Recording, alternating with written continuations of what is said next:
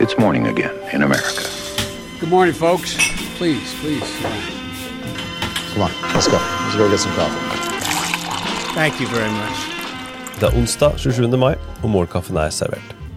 Aller først, Joe Biden har oppdatert eh, profilbildet sitt på Twitter og Facebook. Det ble tatt Memorial Day, og Biden har på seg en svart maske og svarte solbriller.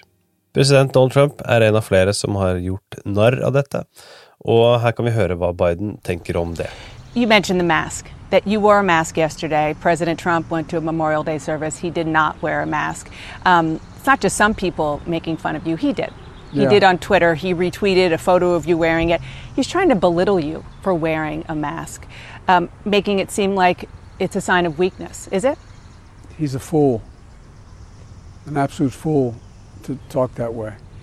I mean, every leading doc in the world is saying we should wear a mask when you're in a crowd. And especially when you know you're going to be in a position where you're going to inadvertently get closer than 12 feet to somebody. I know we're 12 feet apart, I get that. But um, it's just absolutely uh, this, this macho stuff for, for a guy I shouldn't get going, but it, it, it just is, it, it's cost people's lives. I går ble vi vitne til en historisk faktasjekk av og på Twitter av Donald Trump med merkelappen Get the facts. Det er da Twitter selv som har lagt denne merkelappen på en konspiratorisk twittermelding om poststemmegivning og valgfusk fra presidenten. Trumps reaksjon var å si at Twitter nå er i ferd med å prøve å påvirke utfallet av 2020-valget. Så i tillegg to andre saker her. Det økonomiske narrativet inn mot valget, det kan få mye å si for utfallet. Etter at den amerikanske økonomien har ligget brakk som følge av koronaen siste tiden, så frykter nå flere demokrater hvordan Donald Trump kan dra nytte av økonomisk vekst og en redusert arbeidsledighet inn mot valget, altså sammenligna med hvordan det er nå.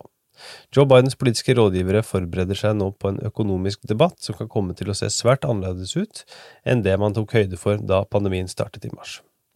Harvard-professor og tidligere økonomisk rådgiver for Barack Obama, Jason Furman, mener koronakrisens økonomiske ringvirkninger skiller seg fra blant annet finanskrisen.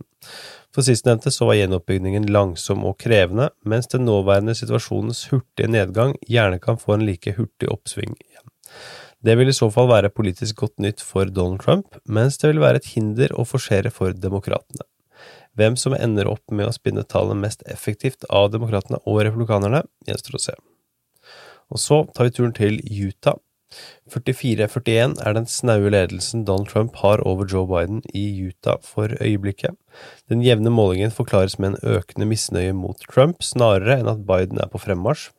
Utviklingen fra forrige måling viser at Trump har falt to poeng, mens Biden står på stedet hvil. I april var det 46-41 her.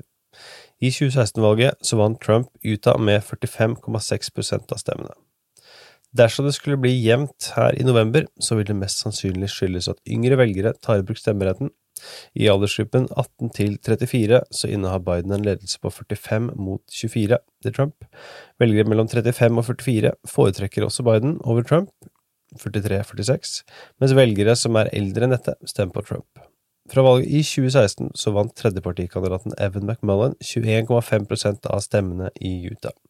I sin egen hjemstat så fikk den konservative mormoneren, som da stilte for å svekke Trump, han fikk en oppslutning som sørget for at Trump ikke nådde et flertall av stemmene der, noe som var uvant kost for en republikansk kandidat i Utah.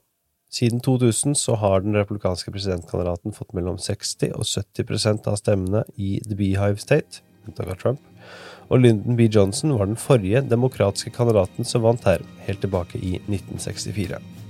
For øvrig så viser Real Clear Politics sitt gjennomsnitt en Biden-ledelse på 5,5 prosentpoeng nasjonalt. Dagens utgave av Morgenkaffen er servert av Henrik Skotte og undertegnede Are Togolflaten.